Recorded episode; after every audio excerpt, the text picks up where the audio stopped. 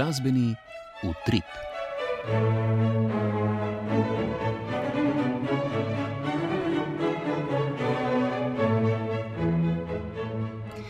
Teden je naokoli in spet je čas za glasbeni utrip. V uvodu bomo najprej pogledali, kako so se odvijali 36. slovenski glasbeni dnevi, ki so postali že nekakšen praznik slovenske glasbe, na katerem se vsa ta leta združujeta slovenska sodobna glasbena ustvarjalnost in poustvarjalnost. Sledile bodo razglednice. Slišali bomo, kaj je zazvenelo na četrtem koncertu sodobne orkesterske glasbe Orkestra Slovenske filharmonije. Udeležili smo se tudi petega koncerta iz abonmajskega cikla SMS. Poročali bomo o tem, kako so študenti Akademije za glasbo v Ljubljani izvedli Hendlovo opero Agripina in se na koncu podali v Piran, kjer so na Tartinijev rojstni dan poleg številnih prireditev pripravili tudi predstavitev protokolarnega izida Tartinijevega pisma.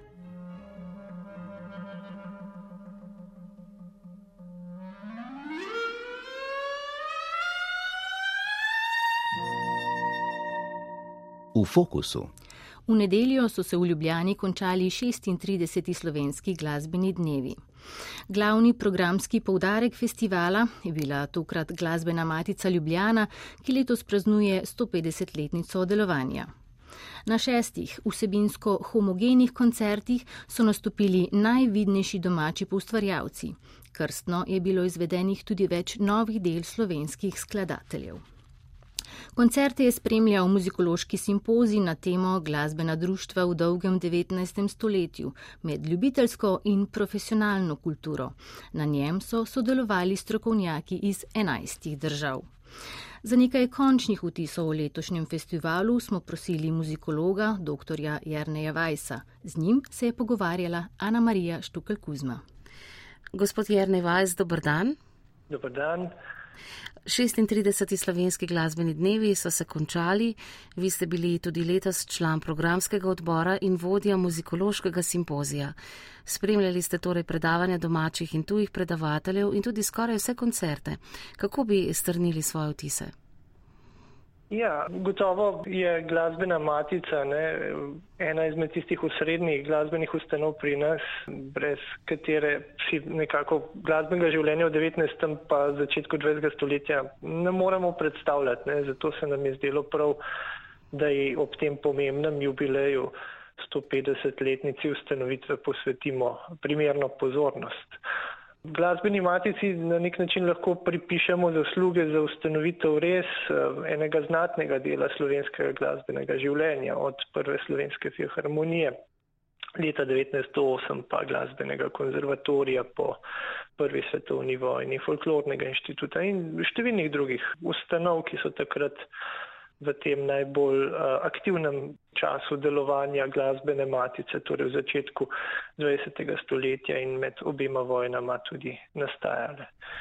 Sicer pa na letošnjem mednarodnem muzikološkem simpoziju smo nekako uspeli usvetliti, eh, ne zgolj ta pomembni jubilej glasbene matice, ampak eh, nasploh neko širše društveno delovanje, ki je bilo posebej v 19. stoletju, na katerega smo se fokusirali eh, izrazito razpeto med ljubiteljsko in profesionalno kulturo.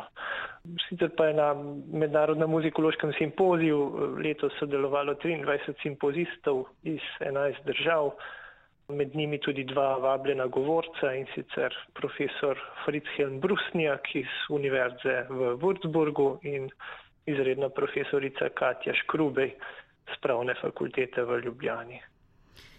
Je bilo kakšna tema, ki vas je, oziroma kakšno predavanje, ki je vas kot doktore muzikologije še posebej pritegnilo? Um, ja, ker več eh, teh predavanj je bilo, ne, eh, ki je zbudilo mojo pozornost. Spoznali smo denimo delovanje moških pevskih društev v Avstriji in Nemčiji, ki so nekako zaznamovala eh, tamkajšno glasbeno kulturo. In tudi pri nas je bilo to delovanje Menargezenkverajnov, kot so se ta društva takrat imenovala, izredno razširjeno. Eh, ne omenim, da je e, eno prvih tovrstnih društev, ne, oziroma moških sestavov v Habsburški monarhiji eh, ustanovljeno eh, leta 1846 prav v Mariboru. Skratka, lahko povežemo neke zgodovinske reference za ustanovitvijo Dunajskega društva. Seveda pa smo znotraj teh referatov spoznali tudi delovanje glasbeni matici bolj podobnih, ne, bolj sorodnih čeških in um, predvsem hrvaških glasbenih društv, kot je bilo denimo pevsko društvo Kolo iz eh, Zagreba, ki ga zanimivo najdemo celo med ustanovnimi člani eh, glasbene matice.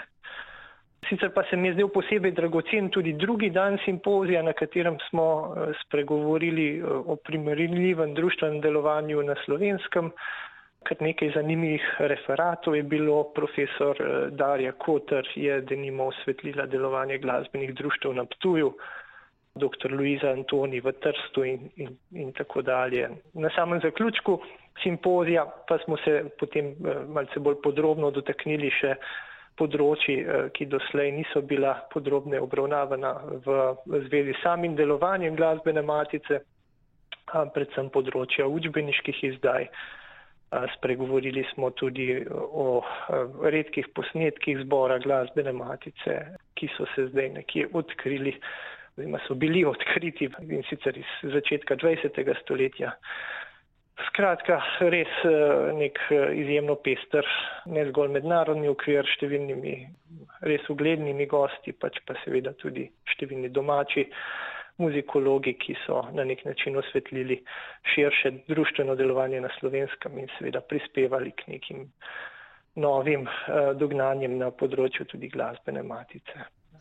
Tako da sem, sem prepričan, da nam bodo nekako te povezave, ki smo jih zdaj uspeli nakazati ne, s temi referati, tako med uh, ustanovami ne, in seveda tudi med posamezniki, ki smo jih uspeli nekako detektirati v tem času, služile kot neko izhodišče za nadaljne raziskave. Je na simpozij prišla tudi ukrajinska predavateljica in kakšen je bil njen prispevek?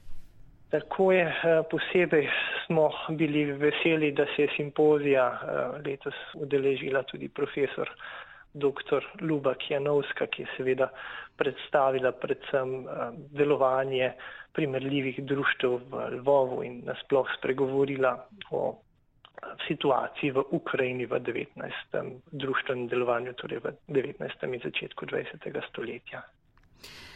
Vsa predavanja morda potem izidejo tudi v zborniku?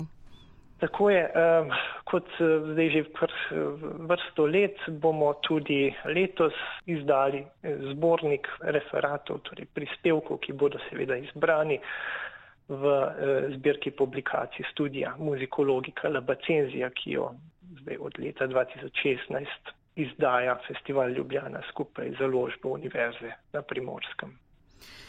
Simpozij pa je torej spremljal tudi um, sam koncertni program. Letos je bilo šest koncertov, ki so bili vsi nekako v znamenju 150. obletnice glasbene matice. Uh, vi ste, kot rečeno, spremljali kar večji del teh dogodkov. Kako ste jih vi doživljali? Ja, sam koncertni program je bil letos, eh, to lahko rečem, izredno homogen z jasno izraženo rdečo nitjo historičnega delovanja same glasbene matice Ljubljana, torej zgodovinskimi referencami na koncertno življenje, ki jih lahko zaznamo tako v uvodnem kot tudi v zaključnem koncertu ter tudi nekaterih drugih koncertih, recimo koncertu ansambla Dissonance. Seveda pa ne gre pozabiti niti dveh koncertov Društva slovenskih skladateljev, ki sta že tradicionalen del eh, slovenskih glasbenih dnev, torej noči slovenskih skladateljev in koncertnega atelija DSS, na katerih eh, je tradicionalno zvenela vrsta novitet sodobnih slovenskih ustvarjalcev, kar je posebej pomemben prispevek eh, vsakič glasbenim dnevom. Se mi zdi, da je to tudi ena od programskih smernic slovenskih glasbenih dnevov, predstavitev novih slovenskih del in pa tudi del, ki se redkeje znajdejo na koncertnih odrih. Je bila tudi v tem smislu uh, kakšna glasbena poslastica za vas še posebej zanimiva? Tako je, ja, seveda, uh, nova slovenska dela so, so vedno ne, uh, izredno zaželjena, ne vsako leto, ne stremimo k temu, da bi jih kar največ uvrstili na koncertni repertoar, na ta način negovali seveda to zelo pomembno nalogo nove slovenske ustvarjalnosti in prinašali pravzaprav ta dela tako poslušalcem kot neki širši javnosti. Seveda pa se slovenski glasbeni dnevi trudijo, da bi na nek način oživili tudi tista rahlo pozabljena dela iz že tudi bolj odaljene preteklosti. No in prav letošnji koncertni repertoar je v tem smislu postregal s številnimi res zanimivimi glasbenimi referencami, seveda na delovanje glasbene matice Ljubljana konec 19. stoletja. Tako je bil vodni koncert, seveda referenca na zgodovinski koncert, ki se je odvil 23. marca 1896 v Dunajskem muzikverajnu. Šlo je za izjemen pevski podvig, na katerem je okoli 200 pevk in pevcem pod vodstvom Mateja Hubada takrat v narodnih nošah predstavilo harmonizacije slovenskih ljudskih pesmi Dunajskem občinstvu. Gre sicer za prvi večji mednarodni uspeh sploh glasbene matice, ki je potem dva dni kasneje ob spremljavi samih dunajskih filharmonikov nastopila še z Dvoržakovo kantato Mrtvaški ženin in sicer pod skladateljim vodstvom. No in na tem prvem koncertu 23. marca 1896 je bil takrat v Dunajskem muzikverajnu izveden tudi Brucknerjev Brucknerjev Tedeum, ki je tokrat zazvenel v res vrhunski zasedbi mešanega zbora glasbene matice in zborov ter orkestra Akademije za glasbo. Izpostavil bi morda še sobotni koncert ansambla Dissonance z resnično izjemno solistko Niko Gorič. Na tem koncertu je bila sicer predstavljena ustvarjalnost še dveh pomembnih skladateljev, dirigentov in pedagogov glasbene matice, to sta Karel Jeraj in Lucijan Marija Škrjanc. Oba sta res bistveno zaznamovala delovanje glasbene matice med obima vojnama. Sveda pa je bil nekaj posebnega tudi nedeljski zaključni koncert zbora Slovenske filharmonije kot nekakšna referenca na znamenit matičin koncert iz leta 1892. Namreč redke je znano, da je seveda glasbena matica svojim zborom glasbene matice na nek način leta 1892 obudila tudi Jakobusa Galusa na slovenskem. No in takrat se nekako s tem koncertom začenja neka renesansa Galusove glasbe, ki na nek način, kot vidimo, traja, traja še danes. Torej, 36. slovenski glasbeni dnevi so končani, kaj pa vi mogoče že zrete tudi v prihodnost, prihodne leto, kaj se bo dogajalo? Um, ja, seveda razmišljamo zdaj o številnih temah, preigravamo več možnosti, malce že vemo, v katero smer bomo seveda razmišljali, pa naj zaenkrat stvar ostane še skrivnost. Tako, tako je tudi prav. Gospod Vajs, najlepša hvala za ta pogovor. Hvala tudi vam.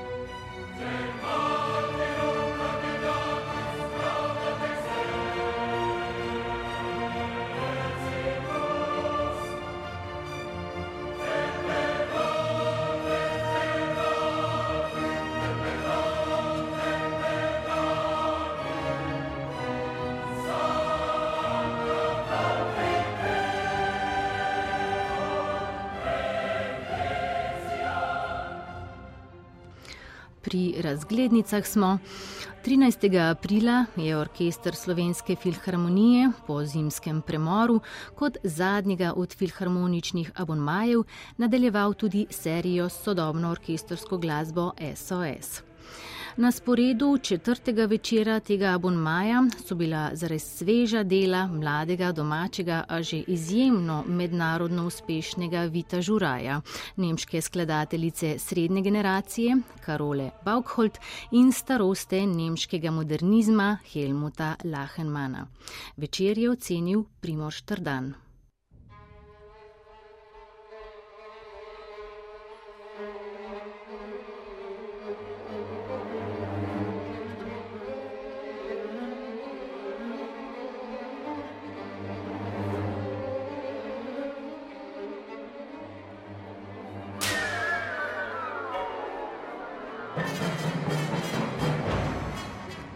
Res za simfonične sporede nenavaden, a razveseljujoč podatek. Na četrtem koncertu SOS smo poslušali dela nastala med letoma 2018 in 2021.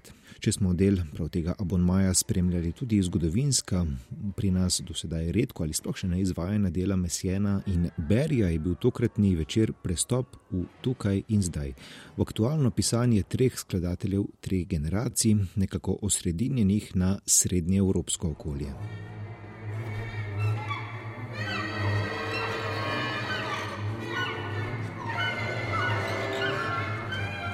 Rdeča nit večera so bili znani vsakodnevni zvoki, pretopljeni v igro orkestra.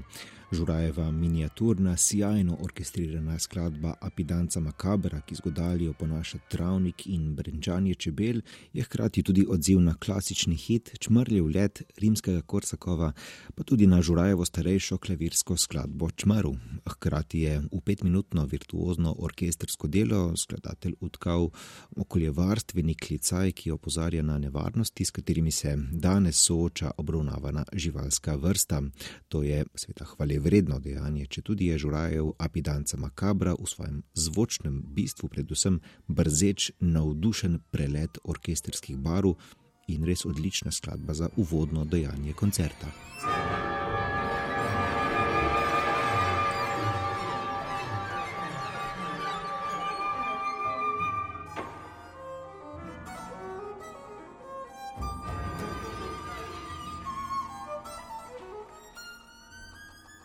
Drugače svojo glasbo snuje Karola Baukholt, ki smo jo spoznali z daljšim delom v očesu zvoka. Njej ne gre toliko za navduševanje za mislimi, kot to tako dobro počne Vito Žuraj. Glasbeno gradivo predstavlja polagoma se v nek segment in zvočno obliko, teksturo poglobi, zato jo počasi razširja, razgrinja pred uho poslušalca in šele na to pride k naslednji. Tako je v prostem asociativnem toku v delu nizala asociacije na veter, ptice, tudi človeške zvoke in enako kot žuraj v naglem uvodu, izpolnila drugačno funkcijo znotraj koncertnega sporeda. Fokus, izostritev, tudi meditacijo na znane zvočne pojave.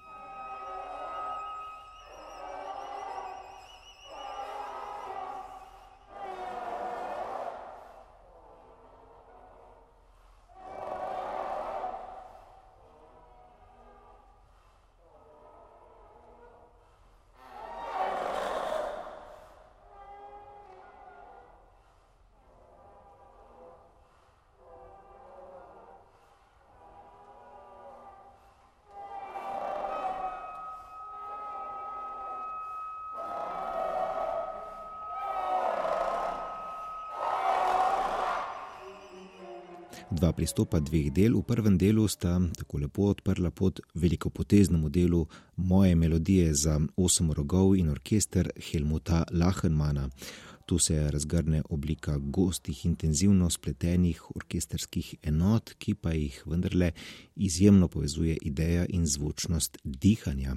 Laherman je znamenit skladatelj, seveda dedič evropskega modernizma in glasbenega 20. stoletja nasploh, ki pa očitno ne umirja svojih umetniških premislekov. Moje melodije so večplastno delo, v katerem je strukturna strogost sprijeta z idejo, z namenom, z zavestjo o mnogoterih načinih zaznavanja kompleksne glasbe. In moje melodije so Lahmanova mojstrovina.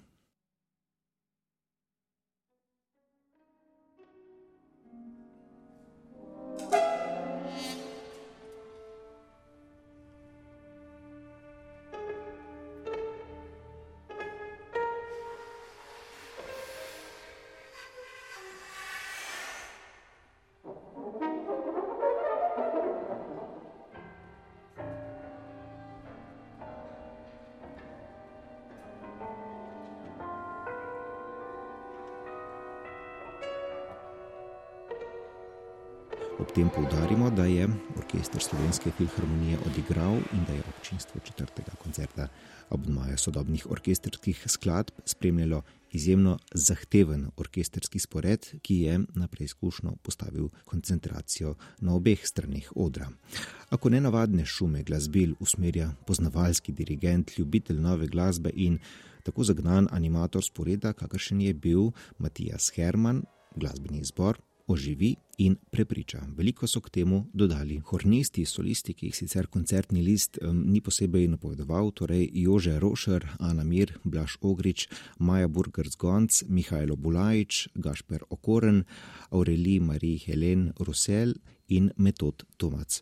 Če tudi ob glasnem orkestru niso povsem izstopili kot solisti, je bila njihova muzikalnost v sodobni glasbeni pisavi tako očitna, da so ponovili divji tudi odsek iz Lahmana in pokazali, kako virtuozna je lahko nova orkesterska glasba.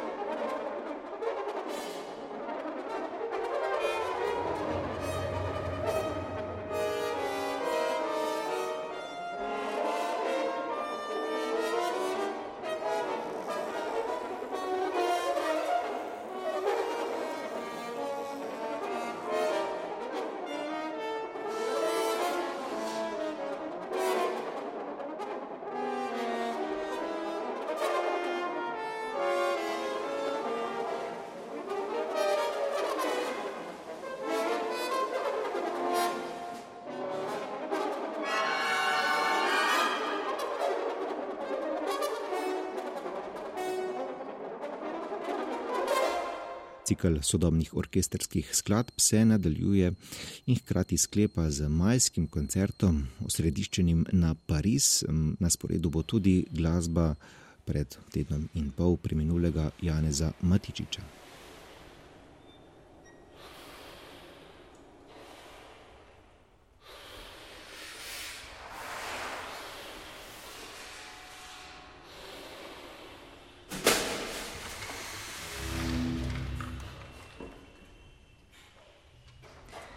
Prejšnji četrtek pa je bil v Galusovi dvorani Cankarjevega doma tudi peti koncert iz abonmajskega cikla SMS same mogočne skladbe. Več o tem, kaj je ta večer odzvanjalo v dvorani, pa Andrej Bedjanič.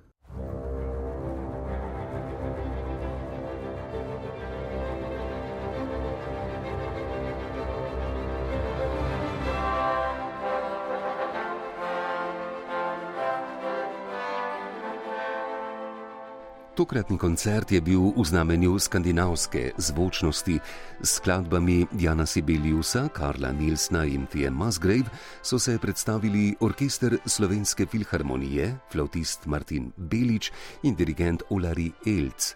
Za vod smo slišali eno izmed redkih ohranjenih zgodnih del Jana Sibeliusa, balado za orkester Gozdna nimfa opus 15. Malce naivna, tu in tam okorna in na hitro napisana skladba je zvenela suvereno in barvito. Orkester Slovenske filharmonije je pokazal zares bogato paleto orkesterskih barv ter intenzivno soigro. Dirigent Olari Elc je orkester vodil natančno in intenzivno. thank you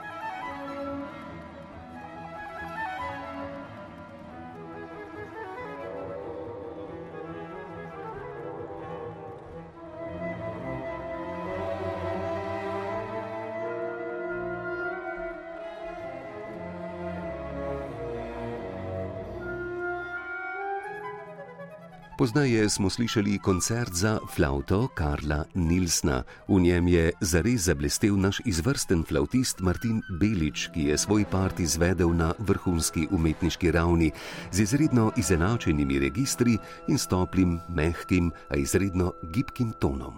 Pohvaliti moramo tudi člane orkestra Slovenske filharmonije, ki so intenzivno muzicirali s solistom in tako odlično poustvarili glasbeno umetnino. Dirigent Ulari Elc je umetnike vodil intenzivno in natančno. Njihovo izvajanje je navdušilo poslušalce v Galusovi dvorani Cankarevega doma v Ljubljani, tako da so z glasnim aplauzom in vzkliki odobravanja zahtevali dodatek. Solistim je ustregel in skladbo Sirings za flauto solo Kloda Debisija znova navdušil.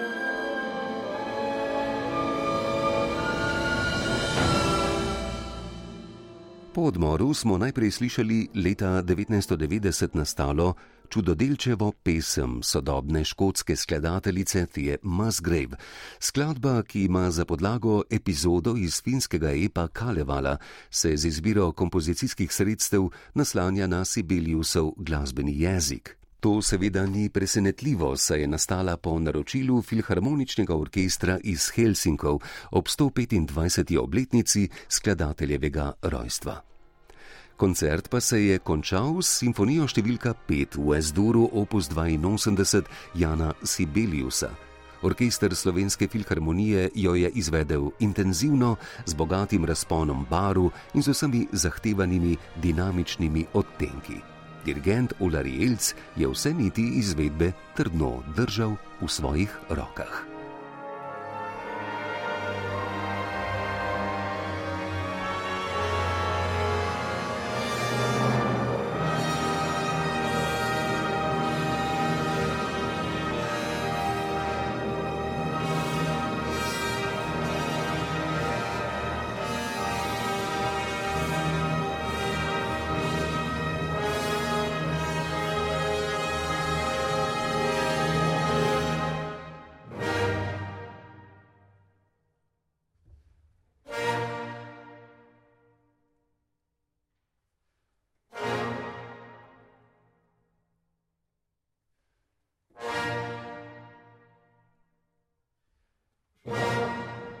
Bye.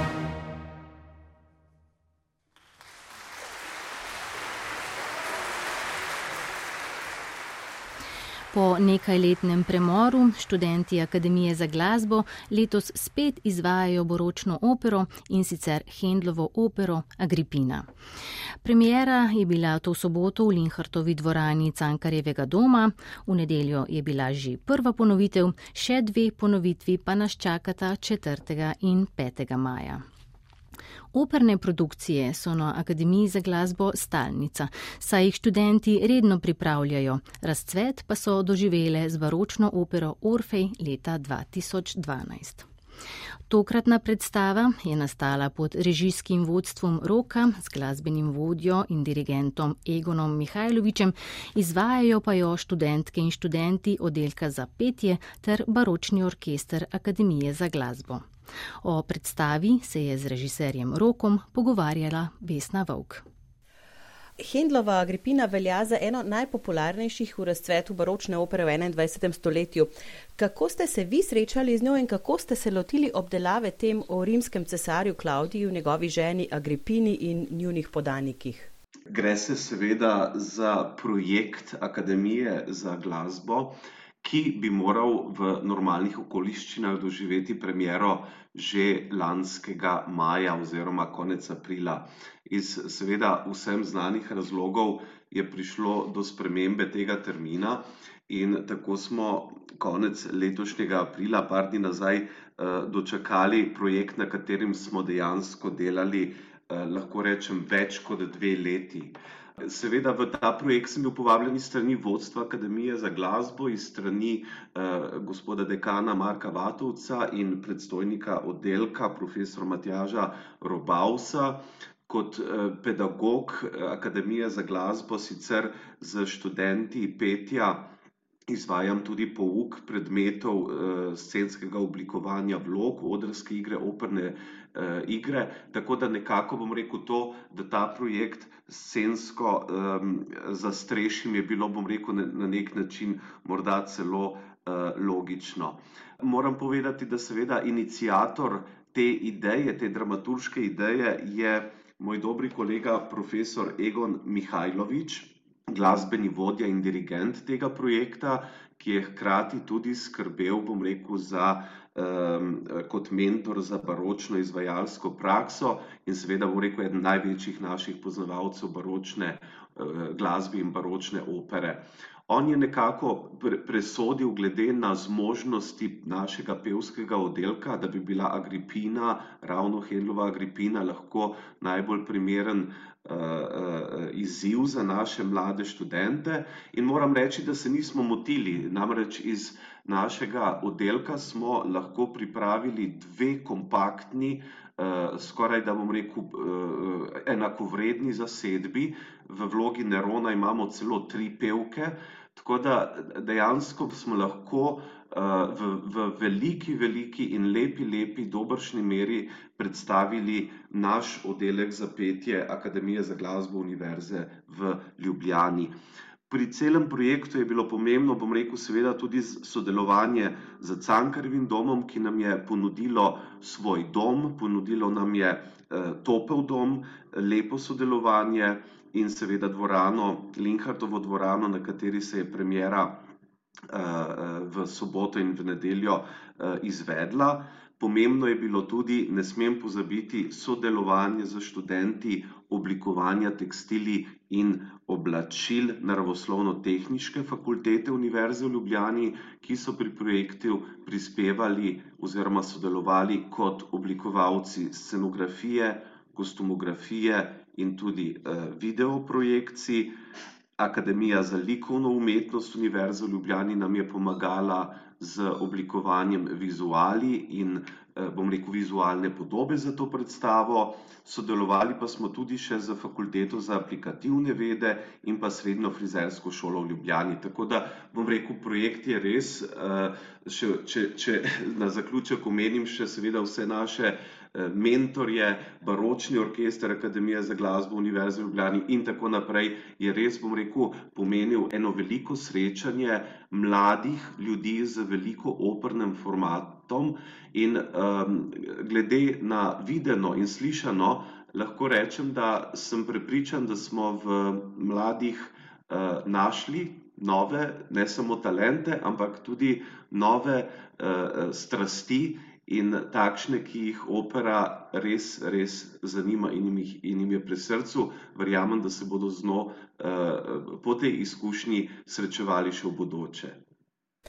Na akademiji torej delujete redno s študenti, tokrat pa ste predstavljali oziroma na odru postavljali res opero v pravem pomenu besede. Uh, morali so stati na odru, se soočati z gibi, s premiki.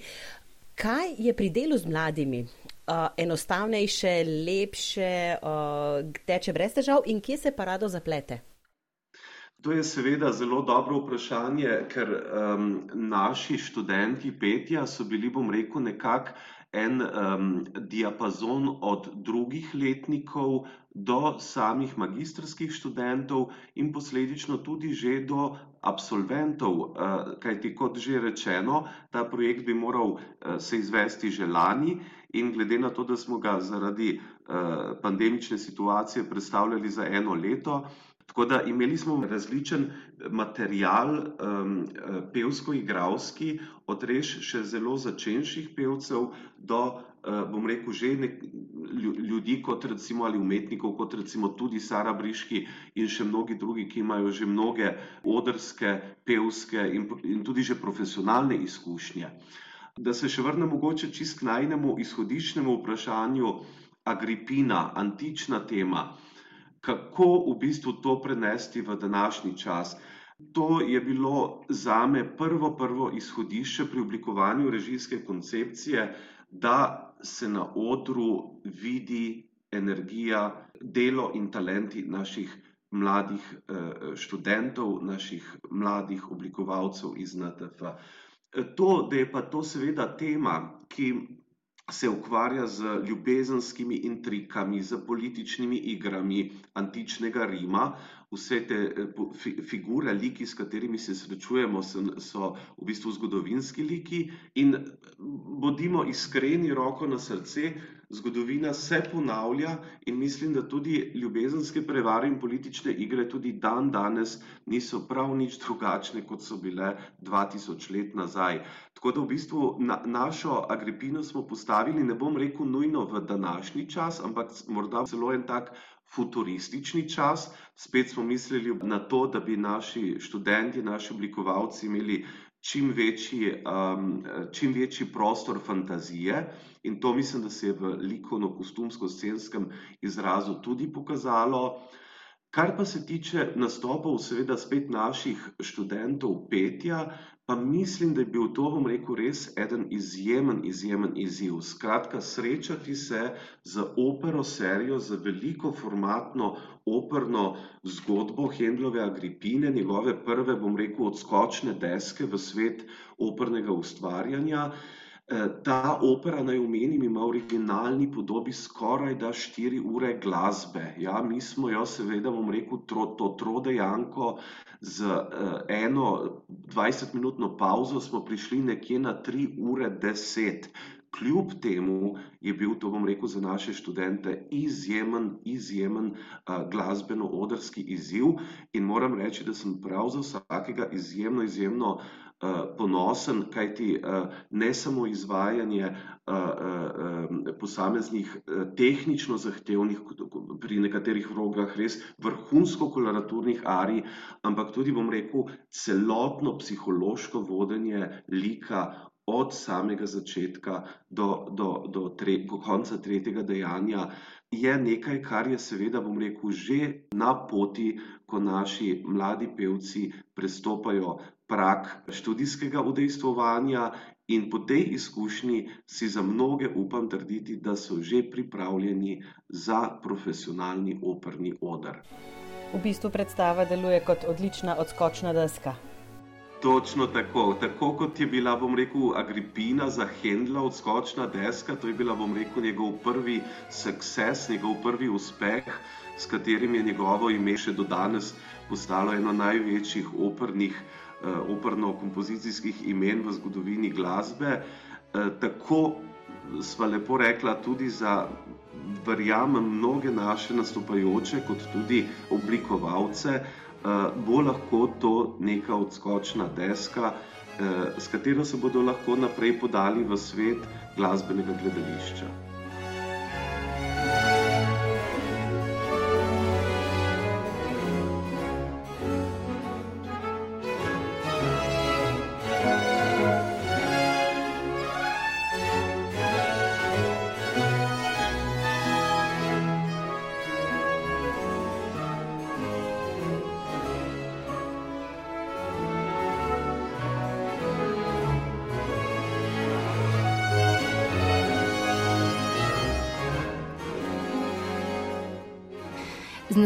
Prispevkom se selimo v Piran, kjer so se tamkajšnji kulturniki v tem mesecu še zadnjič poklonili Giuseppeju Tartiniju, letos namreč praznujemo 330. obletnico rojstva.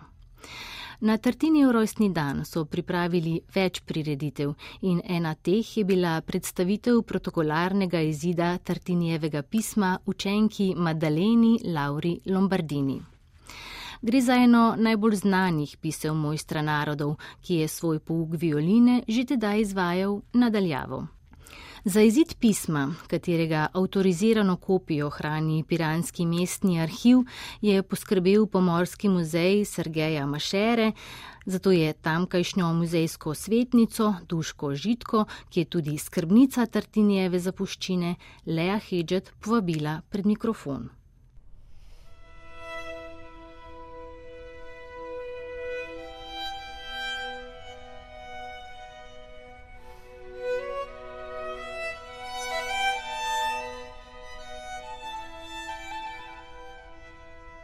Maddalena Laura Lombardini, ki jo danes poznamo kot uveljavljeno skladateljico 18. stoletja, je že kot 13-letna deklica postala ena najbolj nadarjenih Tartinjevih učencev. Kot sirota je bila deležna glasbenega pouka v Beneškem hospicu v San Lazzaro dei Mendicanti, kjer so odkrili njen talent. Zato se je za njo zauzel tudi Tartini, ki je navodila za pouk violine pošiljal kar preko pisem. Najdragocenejše je zagotovo prav to, ki je v prepisu ohranjeno v Piranu, saj so ga zaradi dragocenih napotkov citirali vsi violinski mojstri in učitelji.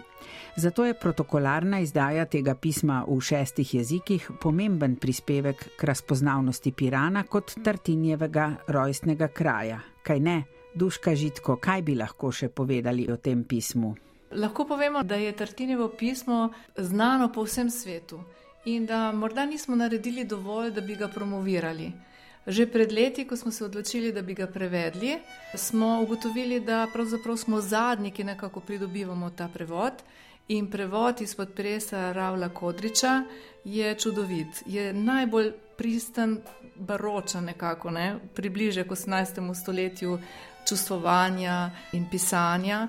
In s to publikacijo želimo narediti um, en korak k promociji, kajti želimo, da bi jo dobil v roke vsak violinist, ki bo prišel v Piran, ki bo tukaj koncertiral, morda tudi na Tartinjevo violino in bo s seboj odnesel to, kar violinisti pravijo, Biblija za vsakega violinista. Kaj bo lahko vsak violinist v njem prebral?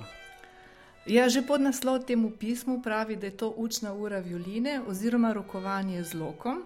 In tukaj v nekaj odstavkih in nekaj notnih zapisih eh, dobi sugestijo, kako rokovati z lokom, kako ga lahko lahko prisloniti na strune, kako ga na vsaki tretjini loka uporabiti oziroma igrati z njim, potem tudi kako uporabiti levo roko, koliko posveti časa tej vežbi, da to prinese neko virtuoznost oziroma en tak trden temelj za nadaljne boljše igranje. Koliko je med violinisti že znano po svetu to pismo?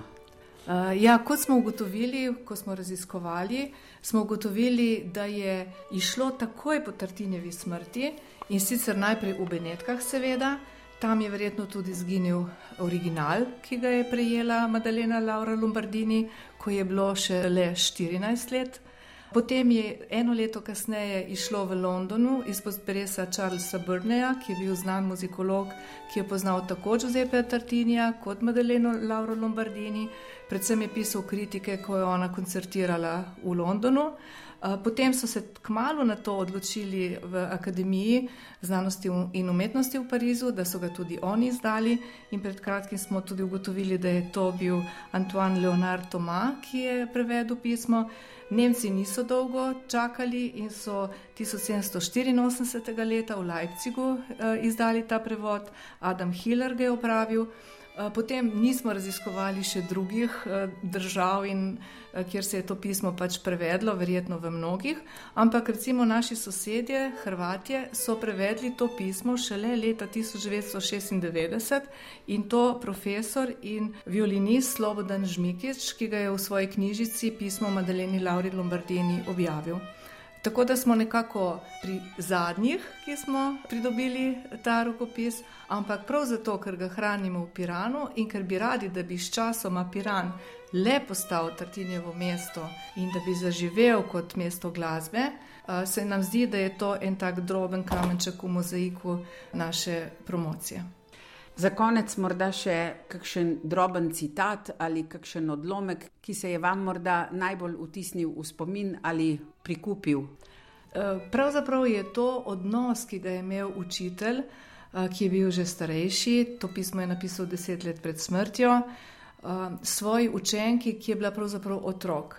Prepoznana je bila v tem domu za sirote v Benetkah kot zelo talentirana niso učile le violine, temveč tudi klavičembala, um, violončela, tudi petja in kompozicije.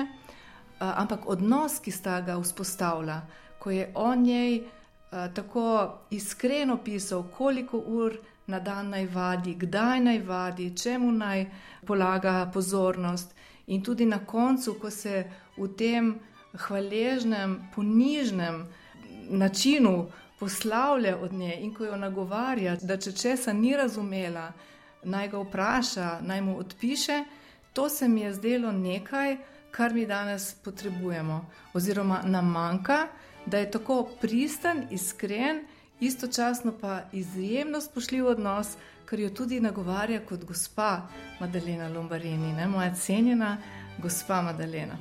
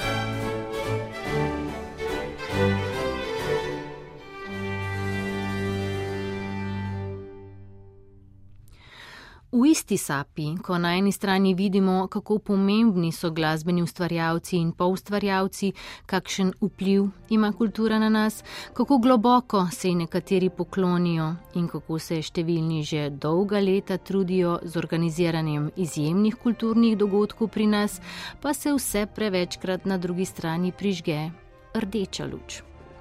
Kako je mogoče, da kulturni dogodek, kot je Tartinijev festival, ki ga obiskovalci vedno sprejemajo z velikim odobravanjem, ostane brez finančne podpore? In to prav v Tartinijevem letu.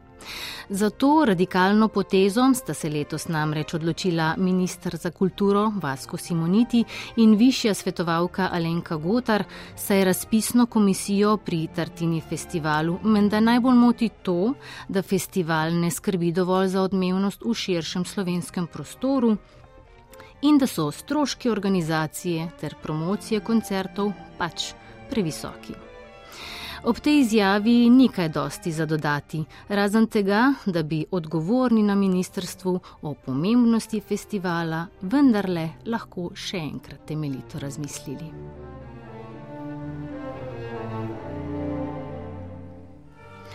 A ker je lepše oddajo skleniti z vedrimi novicami, skočimo še čez lužo, kjer trud dveh uspešnih slovencev le ni bil spregledan. O tem, da je bil kitarist Mak Grgič, ki že dlje časa ustvarja v Los Angelesu, s svojim albumom Mak Bach, ki je išel v zadnjem letu, nominiran za prestižno nagrado Grammy v kategoriji Najboljši klasični instrumentalni solo, smo že poročali. Nagrada se mu je sicer za las izmuznila, a gre kljub temu mlademu ustvarjalcu čestitati za ta svetovni uspeh.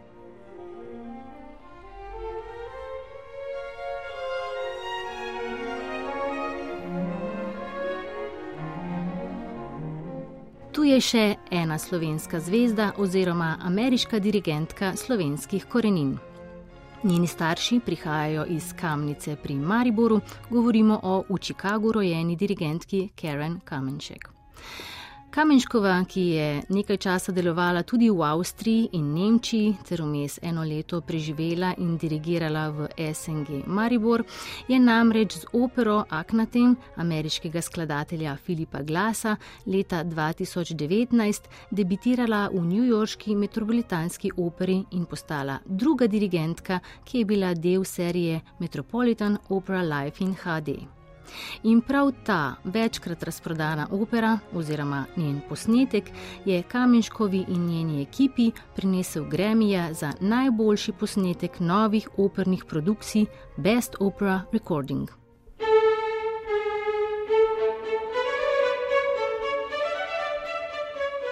Tako, oddaja je končana, manjka le še podpis.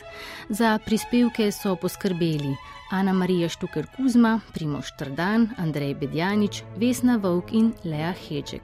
Ena izmed prispevkov je prebral Igor Velše, za zvočno realizacijo je poskrbel Damjan Rostan, oddajo sem vodila in uredila Alma Kužel. Pa vse lepo do you